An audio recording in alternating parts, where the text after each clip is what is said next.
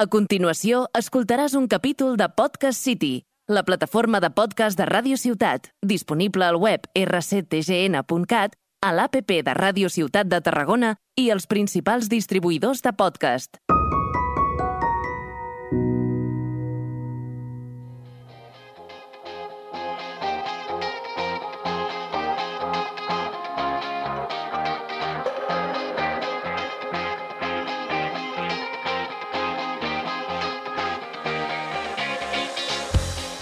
Hola, hola i benvinguts a La Xerrada, el podcast de Gent de Gene on us portem totes les novetats, actualitats, cotilleus i d'altres de la ciutat de Tarragona referent a tot allò artístic i cultural.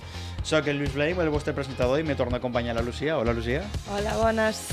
Nosaltres formem part del col·lectiu Gent GN i, bueno, avui volíem parlar d'un tema en concret que és Art entre runes. Art entre runes és un projecte eh, instaurat i promogut pel nostre company i amic, que pront presentarem, Xterra, també conegut com Sergi Olivet, eh, on hem penjat diferents tipus, tipus d'arts eh, en parets de la part alta de Tarragona en un intent de decorar i donar vida a, a, a, al, al antic de la ciutat. Bé, eh, Lucía, et pregunto tu primer, que sempre m'agrada començar fent-te preguntes.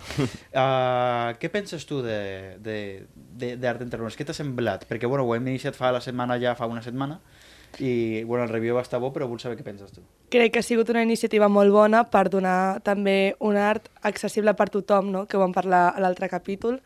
Eh, I això crec que va estar molt xulo la iniciativa i que va sortir com prou bé. Bueno, ara ho parlarem amb el Sergi, però crec que va sortir prou bé, inclús millor del que s'esperava, no?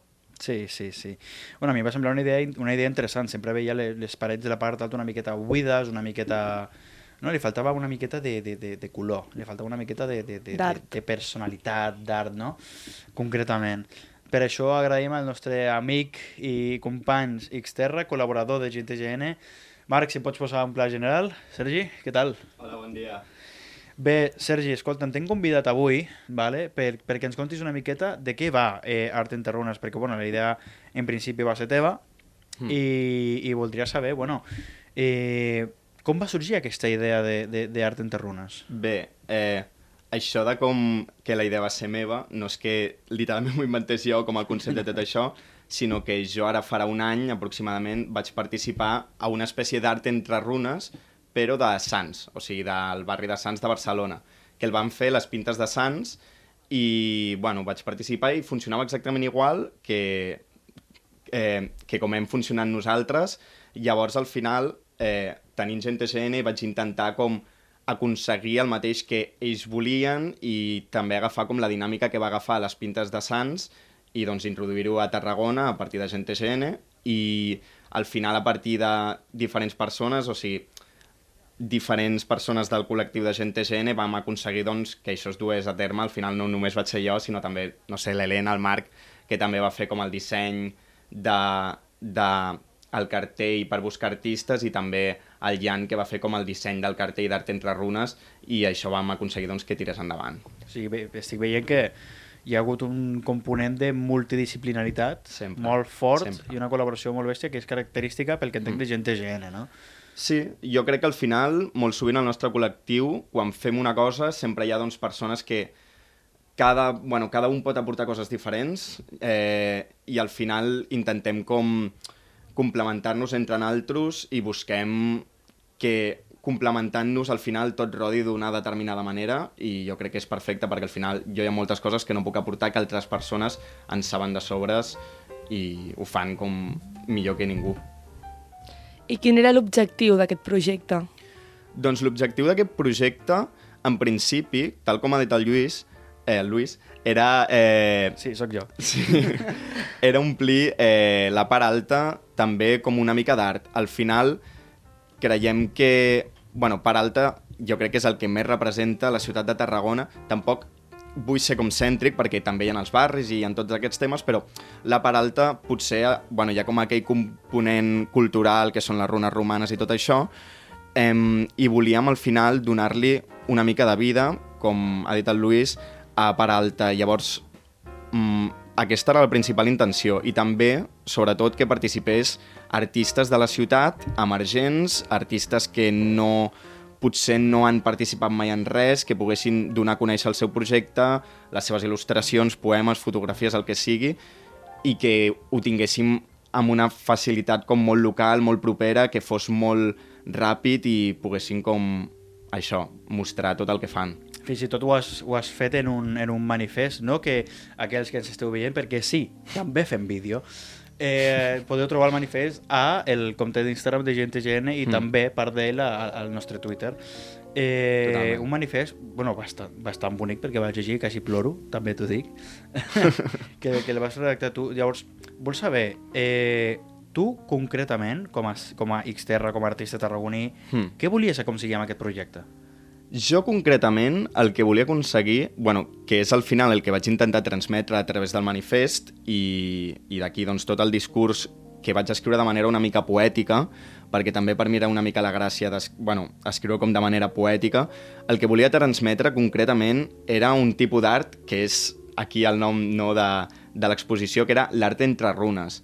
El que volia transmetre al final, eh, també dirigint-me una mica al manifest, és que l'art hi és, inevitablement, no hi ha res que realment pugui controlar l'art, vull dir, al final la gent, ah, ja sigui a casa seva, fan poemes, es fan fotografies, es fan vídeos, es fan coses que fins i tot encara no coneixem, videojocs, i això és inevitable, i al final l'art hi és independentment de qualsevol institució o de qualsevol lloc que legitimi aquest art, no?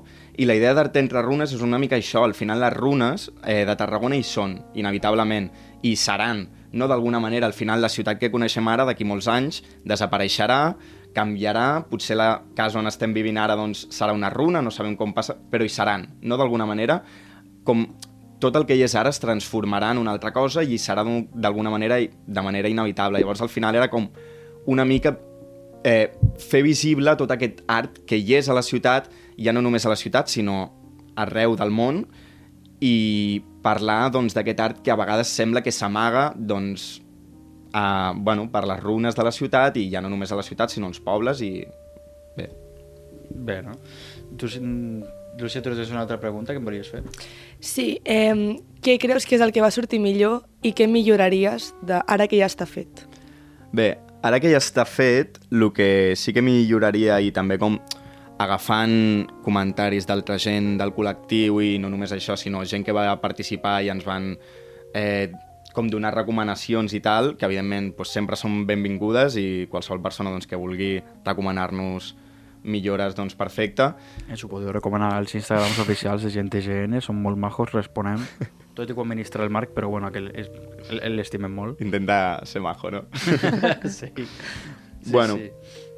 pues eh, al final, com que... Mm, no sé, ara no m'acaba de sortir aquí... M'he oblidat de la pregunta. De què milloraries ara que està Això. Eh, doncs jo crec que l'únic problema que sí que vam trobar potser va ser el recorregut. Si heu fet, bueno, heu anat a visitar Art entre runes, el recorregut potser, com que es dirigeix a parts eh, molt diferents de la ciutat. Al final va com pel carrer Ferrers, que és el que està dalt de Sedassos, que és aquell com de les escales, i també passa per la baixa de la peixateria.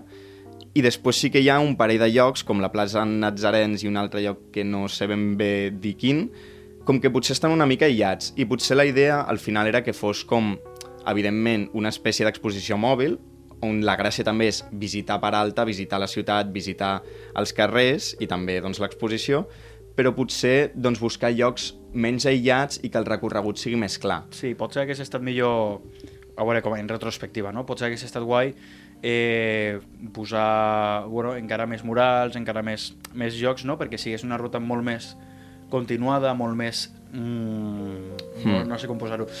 Eh, que no hagis d'esperar tant, perquè quan vaig fer la ruta jo, per exemple, eh, vaig caminar, bueno, vaig caminar, no, no, no és que sigui un recorregut molt llarg, però entre punt i punt sé que hi ha una distància considerable, llavors surge un joc a dir, hòstia, eh, que hi ha el següent, no? En plan, vull veure quin poema han posat, vull veure quin dibuix, quina pintura, no? Perquè fins i tot ha hagut pintures, l'obra mateixa penjada, no era, no era una Totalment, còpia sí. pegada, ei, Totalment. aquest és el dibuix, el podeu trobar a tal lloc, no, no, era l'obra que ens la van deixar, ens la van cedir, que per, per cert li agraïm a aquesta persona que ho hagi fet.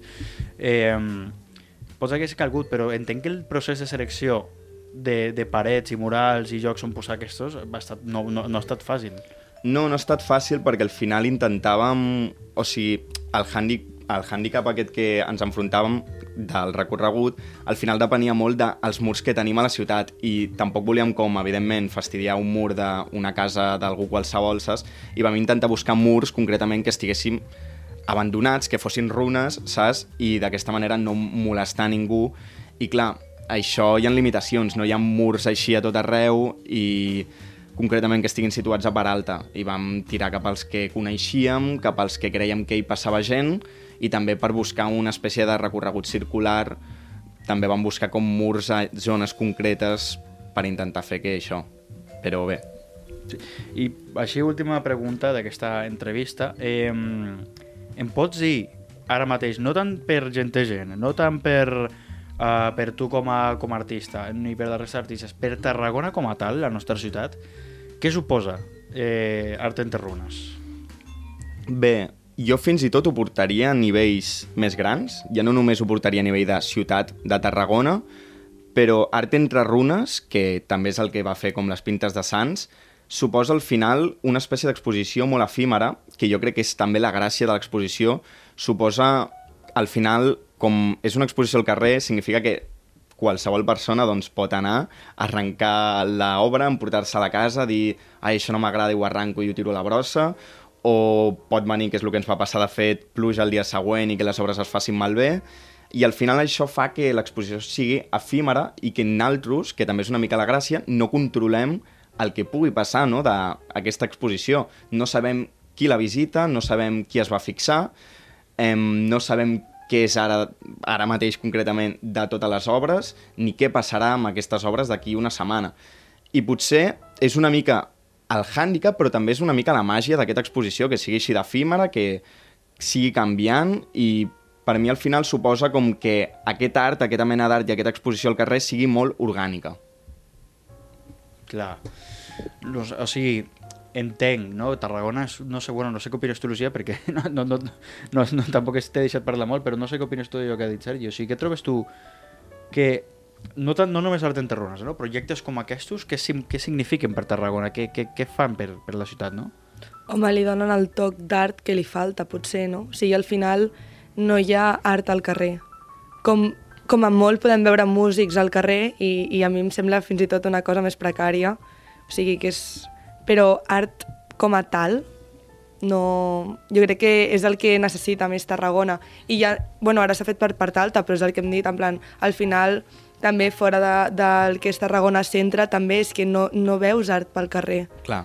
L'única cosa que veig d'art per Tarragona és el carrer dels Pilons, que és la cosa més artística que hi ha per Tarragona pel carrer. Sí. Lo de més, o la gent no ho sap o, o el que sigui. A mi parlant així més aviat d'art de carrer i murals i tal, a mi sempre em va agradar, quan vaig arribar aquí a Tarragona, que no porto tant de temps com vosaltres, això és evident, eh, al costat del casino hi havia aquest mural eh, d'una representació de mamelles femenines eh, en, difer en diferents mm, figures, en diferents formes, en diferents... Ah, uh... el passeig de les Palmeres. Sí, el passeig de les Palmeres, vale. al costat del casino. Vale. També està la plaça de la Dona, que està al costat del tòtem, que també té art... És que si vas pensant sí que hi ha sí. més coses, però no et ve al cap. I jo crec però que, de fet, el grafiti a Tarragona sí que està molt viu. Sí, el grafiti, no, ja. el grafiti és bastant aparent, això mm. sí que és cert. Però bueno, abans que seguim el tema, passem ara a la següent secció, eh, denominada com el podcast. Passem a, passem a, la, a la xerrada, nois.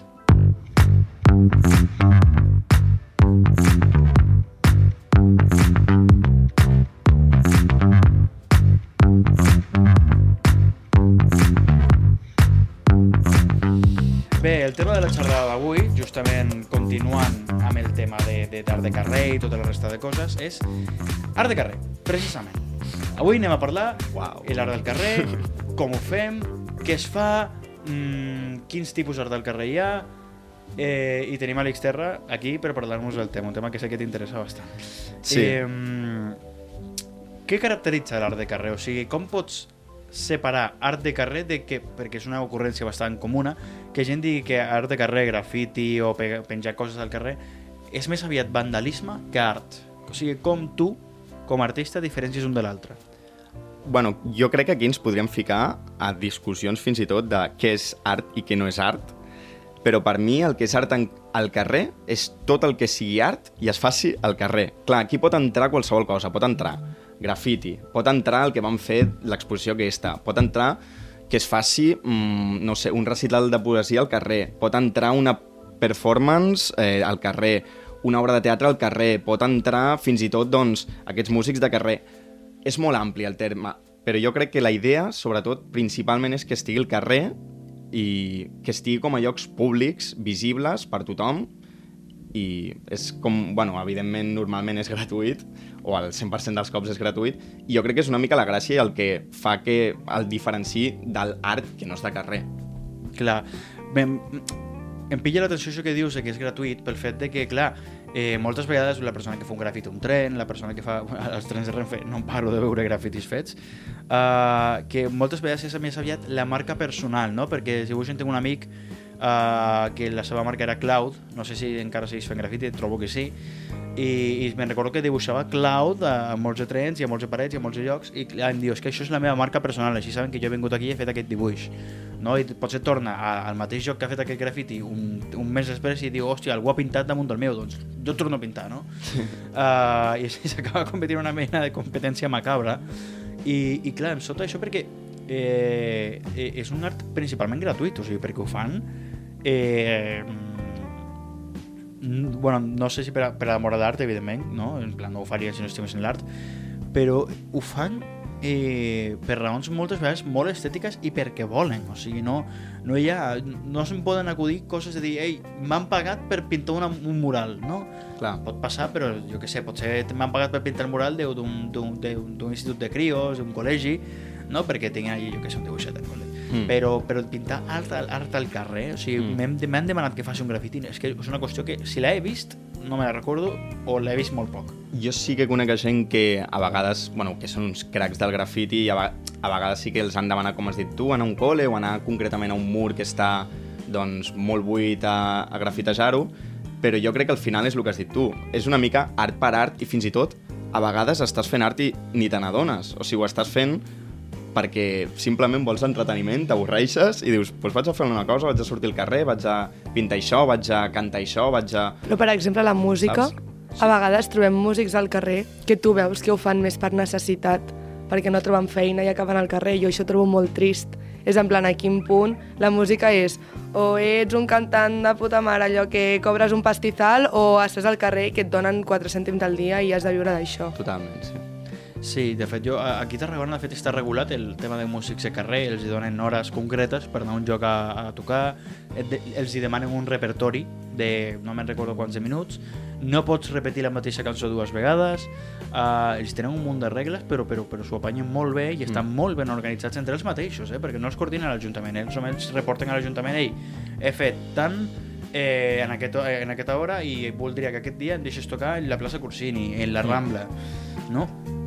I me semblava bastant interessant perquè sé que és una cosa que van Sí. estar barallant-se amb l'Ajuntament i, amb, i amb altres ajuntaments per dir, ei, deixe, estem aportant una cosa, o sigui, Mm. no estem fent aquí un concert pel mig, no estem molestant, estem tocant música, estem donant, estem, li estem posant un soundtrack a Tarragona, no? Ambient. Totalment.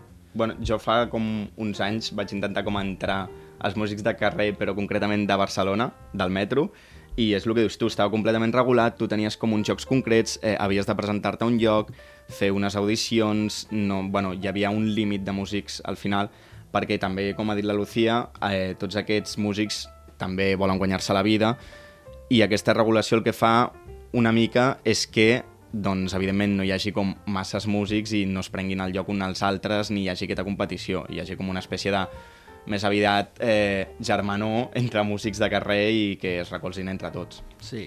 Llavors tenim eh, gent que ho fa expressament per l'amor a l'art i tenim gent que ho fa expressament per, perquè volen viure... Eh, conec alguns personalment, alguns són Mm. gent que és increïble que dius, hòstia, però...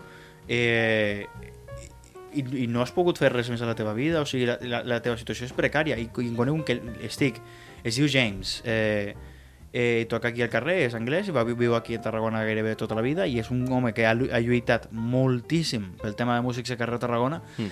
i, i li tinc molta... Eh, eh, molt de respecte, li tinc molta, molta admiració perquè em diu potser em moriré de gana, però jo és que moriré aquí de gana fent el que vulgui fer música. I, i em diu, jo po- potser no trobaré feina mai, potser tal, però estaré aquí tocant cada divendres a aquesta hora, Imagine. I em trobaràs aquí sempre. Però jo prefereixo viure malament a no viure de la música que faig. Mm. Que, que, que, és, que sí que ho fan per l'amor d'art, no? com els que pinten, però, però en aquest cas és mm, viure en tot... eh, Pot ser el que pinta no viu una mala vida. Pot ser un, Clar. és el que pinta una persona que treballa tota la setmana, està bé, bé econòmicament, no té cap situació de precarietat, però un dia dissabte s'aixeca i diu vaig a anar a, aquesta paret a, a fer un grafiti. Clar. No, però aquesta gent que s'està mm, fins a cert punt jugant la vida eh, fer, per fer el seu art. Sí, i entraríem també... És que ja no només amb músics, o sigui, evidentment eh, hi ha gent doncs, que tota la seva vida l'intenten enfocar amb això, simplement per fer-ho, els és igual si es guanya la vida o no, com has dit, i per exemple, tot el que parlàvem també abans de si és gratis o no, evidentment els grafiteros, per exemple, es gasten un munt de diners en sprays, no només això, sinó hi ha el perill de les multes, hi ha molts altres perills que també els hi poden tocar. Llavors, clar... Mm, Hi ha de casos de, de, de, de músics aquests o, o artistes de carrer que, que han estat atacats. atacats, eh, detinguts... Clar, realment aquest art, no, l'art de carrer, l'art entre runes també, és un art a mi el que m'agrada dir-ho és això, és molt orgànic, molt espontani, molt, i és de forma inevitable, no? I és, un, és una mena d'art que al final, estigui regulat o no, i és, eh, està expressa, forma part de nosaltres i també forma part, jo crec, molt concretament de gent com de ciutat, al final de barri, que no té com els recursos per poder ensenyar el seu art doncs, arreu del món, no? I al final, si tu ets una persona doncs, que té diners fi i fa música, per exemple, pot invertir aquests diners en la música, pot invertir aquests diners en professors, en estudis, en beatmakers, en... i així en tot, vull dir, en el grafiti, en, en el teatre, qualsevol art, al final, si tens diners i temps, pots invertir-ho, però clar, també és el que va dir la Lucía a l'altre podcast, que també l'art a vegades és un privilegi i a vegades mm, per obtenir aquest plaer ens hem, ens l'hem de jugar una mica, no? I hem com una mica de saber bueno, això, jugar-nos-la i, i dir, bueno, pues, la meva situació potser no és tan favorable per fer art, però jo vull fer i és el que em fa feliç. I és el que em dona el plaer, no? Sí, sí. Em sembla que anaves a dir alguna cosa abans, Lucía. No, No. és que, Ja ho he dit. És que, que, que et vaig tallar i em va semblar molt dolent. Uh, no, no, és que a mi m'ha semblat eh, increïble veure això als músics però super dedicats. Hi ha un músic que sempre, és que juro que sempre el veig al mateix joc a la Rambla tocant, eh, encara que siguin les mateixes cançons sempre, és que ja és, és una part de Tarragona, mm. no? I a tots ens agrada, no? Veure pel·lis parisenques, italianes i tal, i veure el típic home tocant l'acordió enmig del carrer i tothom diu, ai, que bonic, no? Que, que bonita hace Europa. I, i, i clar, i quan veus aquí un músic de carrer, és que pensar-me que hi ha gent que, que, que vulgui agredir que això és directament o que digui en plan que pesats, és a dir, hòstia, eh, mm, està guai que la teva ciutat ja et Mm. doni música, no? Sí, de tots totalment. ens agrada caminar amb els cascos posats, saber, caminar, caminar-te enmig de Rambla escolta, escoltant muros de, de, d'Exterran Fingerbeater, però, però clar, mm, la, la mateixa ciutat està donant música, la pròpia gent està portant una, està portant una cosa que em, em, em, li dona més bellesa a la teva ciutat, no? però jo no gaudeixo quan veig músics al carrer. Jo, o sigui, sense voler ja, quan veig un músic al carrer, en comptes de pensar que maco, penso, buah, pobre, que potser està aquí i, i, i no té ni per menjar i l'únic que fa és música doncs, com el teu amic, saps? Jo és el que penso, sense voler penso, potser té una vida super precària, està aquí, el, potser l'Ajuntament o el, el que sigui, en plan, haurien de pagar per, per la gent que, que està al carrer, no?, tocant, fent música. O sigui, és que sense voler ja penso, mm, em sap greu veure que l'únic que té és tocar al carrer. Mm. Potser és important canviar aquesta... Potser perquè potser la gent li fa por eh, que hi hagi músics, músics al carrer, potser hi ha gent que pensa que això denota una miqueta de... de mm, mm, com dir-ho? Eh, pobresa o precarietat, més aviat, no? Bueno, la Potser agorafòbia algun- que es diria. Sí, sí. Eh, potser és important canviar aquesta visualització de que els músics estan al carrer i, i, i vull que mireu fixament als ulls és molt important canviar aquesta definició de que els músics al carrer, artistes al carrer, eh, són persones que viuen una situació de precarietat, tot i que ho poden ser, però, és a dir, que un músic de carrer sigui precari no vol dir que tots ho siguin i tampoc vol dir que sigui una necessitat estar en un estat precari per fer música al carrer. Un artista no cal que sigui una persona precària, però sí que cal reconèixer que en plan, més enllà de la situació de la persona, tot i que el punt que fa, que fa Lucía és mo- molt vàlid, és important notar que aquesta gent davant de tot ens està oferint art, ens està oferint color a la nostra ciutat, no? I és important respectar-los. Ja no dic eh, apoyar-los en el fet de, bueno, si, si veus un, hòstia, tira-li que sigui 20 cèntims, no? Això, cada, cada cosa ajuda, però és el fet de dir, hòstia, eh, el que fan aquí és un servei, penso jo personalment, tan important com el de com qualsevol de, tra de transport Mm. o de neteja, o sigui, Sí. és, un- és un servei Sí, però cultural. no els hi paguen igual. El de transport i neteja, l'Ajuntament els hi dona un sou. Ja. El músic de carrer no. És el- és l'únic que dic. Sí. O sigui, jo, jo si sapigués que els, des de l'Ajuntament els hi donen un sou, m'encantaria que hi haguessin més músics al carrer. O sigui, ho trobo una cosa maquíssima. Però jo, al pensar que estan allà per amor a l'arte i que hi ha, can... o sigui, a vegades hi ha pues, una dona amb un micro, no sé què, cantant, i té allà pues, un, un cartell amb l'Instagram i tal, i veus que és cantant i que ho fa perquè vol. Però a vegades tu veus una persona i sense voler, pues, potser jutges o el que sigui, però veus que, que ho fa per necessitat i això és el Sí. que no m'agrada veure al carrer. Totalment, vull dir, al final sí que ho fan per amor a l'art, però també per la condició social no? eh, que hi ha darrere doncs, d'aquestes persones. I jo crec que aquí, bueno, a mi m'agradaria com criticar una mica potser eh, al final que no és tant com potser que els diners els hi doni l'Ajuntament i tal, sinó en el fons, amb l'art, vull dir, en la música, en, en la pintura, en la literatura, pots entrar en tota mena d'arts, estan, vulguis o no, mm, organitzats a través d'institucions que és com que legitimen que aquest art eh, pugui fer diners o tal. Per exemple, amb la música, les discogràfiques. En la literatura, les editorials. Què passa? Que tot art que està fora d'aquestes institucions, com es guanya la vida? Eh, què fa? Com es promociona? Aquí està una mica art entre runes, no? Mm, com et promociones fora de totes aquestes institucions? Eh, com aconsegueixes, si vols, arribar a aquestes institucions? Com et guanyes la vida? de manera no precària, no? com ja sabem que se la guanyen els artistes. I aquí potser una mica també anava, mm, tornant potser una mica enrere, però destinada la meva crítica personal eh, en Art entre runes, que és una mica que potser no fa falta com tanta institució perquè existeixi aquest art, sinó potser som els propis artistes els que ens hem d'organitzar i, i gestionar i buscar la manera doncs, de guanyar-nos la vida i fer que també el nostre art arribi. Sí, no, bueno, també amb una sèrie de, de mm, pròpia moralitat i ètica de dir, ei, no vaig a, a sabotejar i a fer art que es pugui considerar...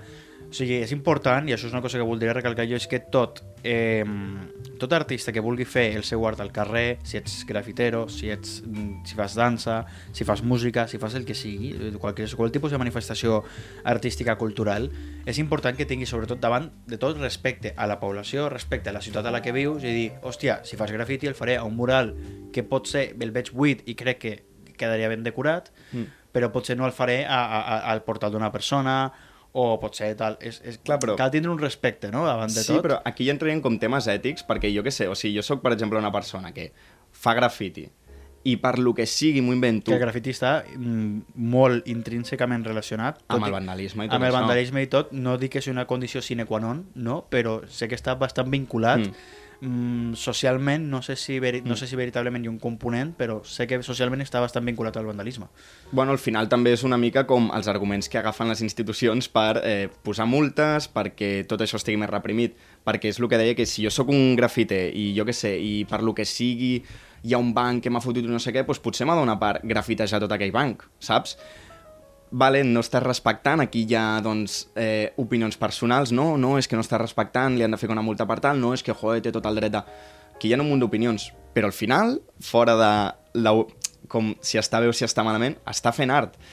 Clar, aquí és que depèn de moltes situacions, perquè hi ha molt, molts, o sigui, moltes menes d'art que també eren com així de carrer, també afectaven com molt a la vida pública, fins i tot les performances, hi ha moltes performances que al final són de carrer i afecten no, a la nostra vida pública, mm, doncs tenen components ètics i al final a vegades molesten, no? poden molestar, però potser també és la gràcia, no? De, de, o el que volia aconseguir l'artista. Clar, mm, aquí hi ha com... O sigui, podria, es podria generar un debat com molt gran, però no sé. Sí. Jo, bueno, per anar acabant ja aquesta xerradeta, eh, Sergi, voldria dir, fer dues coses amb tu. Primer, eh, voldria que responguis a aquesta última pregunta. Trobes Ara. que cal més art al carrer, no només a Tarragona, sinó, diguem-ne, a tot el camp de Tarragona, fins i tot tota Catalunya?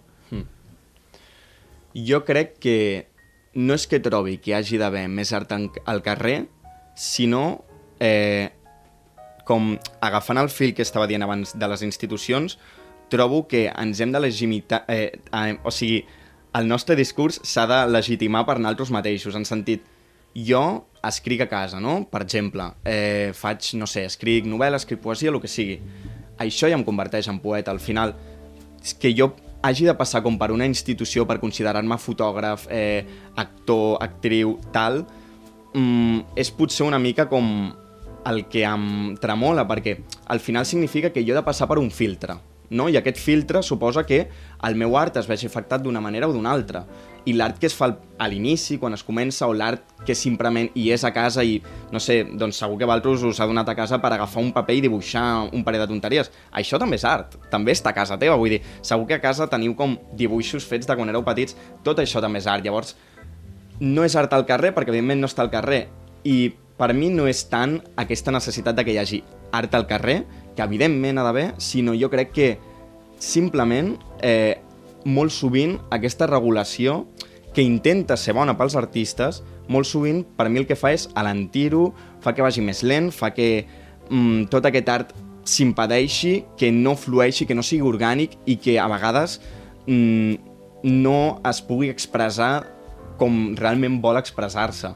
Llavors, més aviat faig com una espècie de crida personal com de dir que existeixi aquest art eh, fora de les institucions, fora dels centres, fora de les editorials, fora de les O discografies... sigui, que sigui contemplat, però no necessàriament regulat, és el que dius.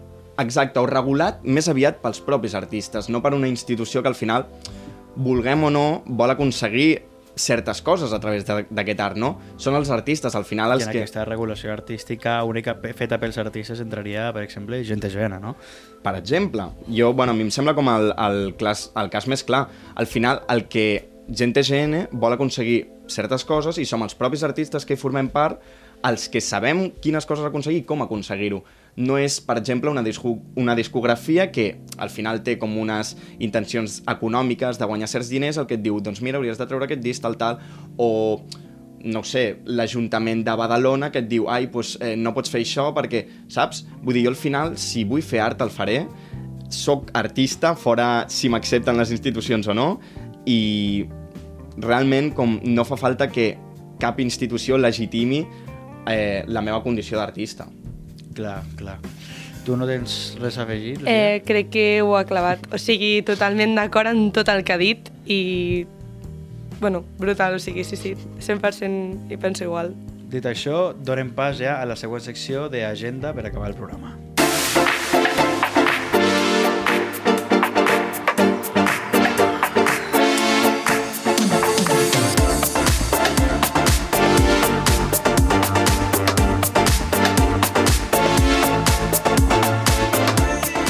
Bé, doncs, estem apropant-nos al final del programa i avui volíem fer-vos una miqueta de, de recomanació d'agenda, ¿vale? En principi us recomanarem que intentarem al final de cada capítol recomendar-vos una sèrie d'esdeveniments artístics de tot tipus eh, perquè podeu assistir durant la, el futur previsible, no? Eh, llavors, us volem recomanar fer fins i tot avui un apunt. El, aquest programa es publicarà el dia 31 d'octubre, és a dir, Halloween. Feliç Halloween per tots els, els que ens escoltin aquell dia. Eh, estan tocant els nostres companys Scratch i Fingerbeater, una banda Fingerbeater de Enormes. Ells mateixos fan dir que són rock alternatiu, bàsicament perquè els hi dona llibertat de fer gairebé qualsevol cosa, però mm, és una mescla de metal i, i altres gèneres. Estan bastant intrínsecament vinculats, de fet van tocar l'esdeveniment que van fer el 14 de juliol, eh, i amb Scratch Rock és una miqueta més el semblant, però és una miqueta un rock més modern, un rock més, més general, no, no, no, tan, no tan metalero com Fingerbeater. Tenim, llavors, més enllà, el dia 4 de novembre tenim dos esdeveniments eh, eh, a la sala 0, justament els dos, i toquen Jar Fighter i Valle Valle, i també tenim Rhapsody Nights, una vegada acabada l'anterior concert. Mm, Sergi, què ens pots contar tu de Jarfighter i Vaya Vaya, que són, eh, se'n mouen molt pel teu món del rap? Bueno, Hardfighter eh, també... Bueno, jo el conec com... Eh, popularment, per dir-ho així, jo el vaig conèixer amb una cançó que es diu eh, Política del Parque, si no m'equivoco, que no sé si la va treure el 2012, 2014, por ahí. Eh, I bé, re, fa un rap així com, per dir-ho així, de carrer, mm, rap kinky, que es diu, i Rap ara... kinky. Sí, es diu, bueno, es dirà així. No sé si ell vol que es defineixi així o no, o si està ben definit o ataca això, no tinc ni idea.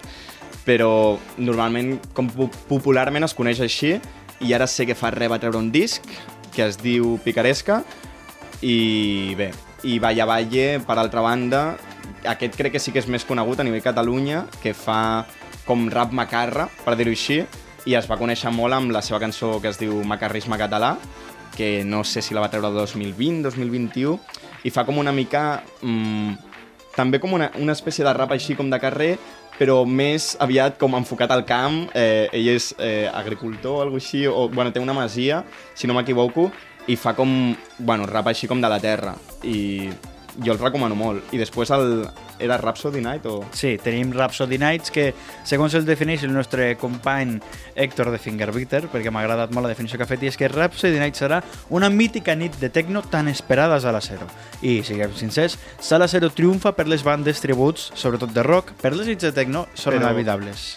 Crec que... O sigui, perdó, però crec que t'equivoques en plan rotllo, que Rhapsody Night és una espècie de nit de rap, també, en el que actuen eh, concretament rapers de Tarragona, si no m'equivoco, la Lavi, el Dolor, crec que el Dosca, mm, el Teti, si no m'equivoco, i em falta un, que ara no, no me surt, però bueno, és com una espècie de nit de rap a Tarragona, concretament de gent rapera de Tarragona, eh, on pots anar doncs, això a gaudir del rap de la ciutat, també del rap de gent jove de la ciutat, i bueno, jo us recomano anar. Personalment conec a molts d'aquests artistes i són una locura. Tenim ja, per últim, el dia 9 de novembre, el concert de El Milagro, una crew de rap, de la que també som bastant amics, i que fins i tot ens va, crec que van col·laborar amb nosaltres a Mojo.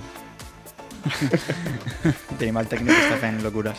Eh, doncs sí, aquestes serien les recomanacions. Això ha sigut La Xerrada, un podcast de gent gena.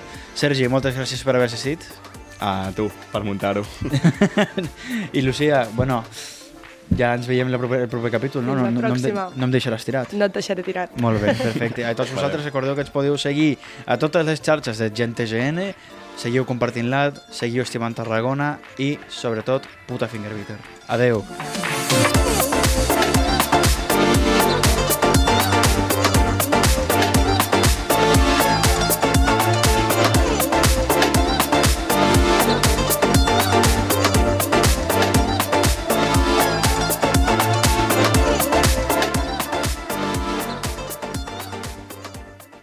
Has escoltat un capítol de Podcast City, la plataforma de podcast de Ràdio Ciutat, disponible al web rctgn.cat, a l'APP de Ràdio Ciutat de Tarragona i els principals distribuïdors de podcast.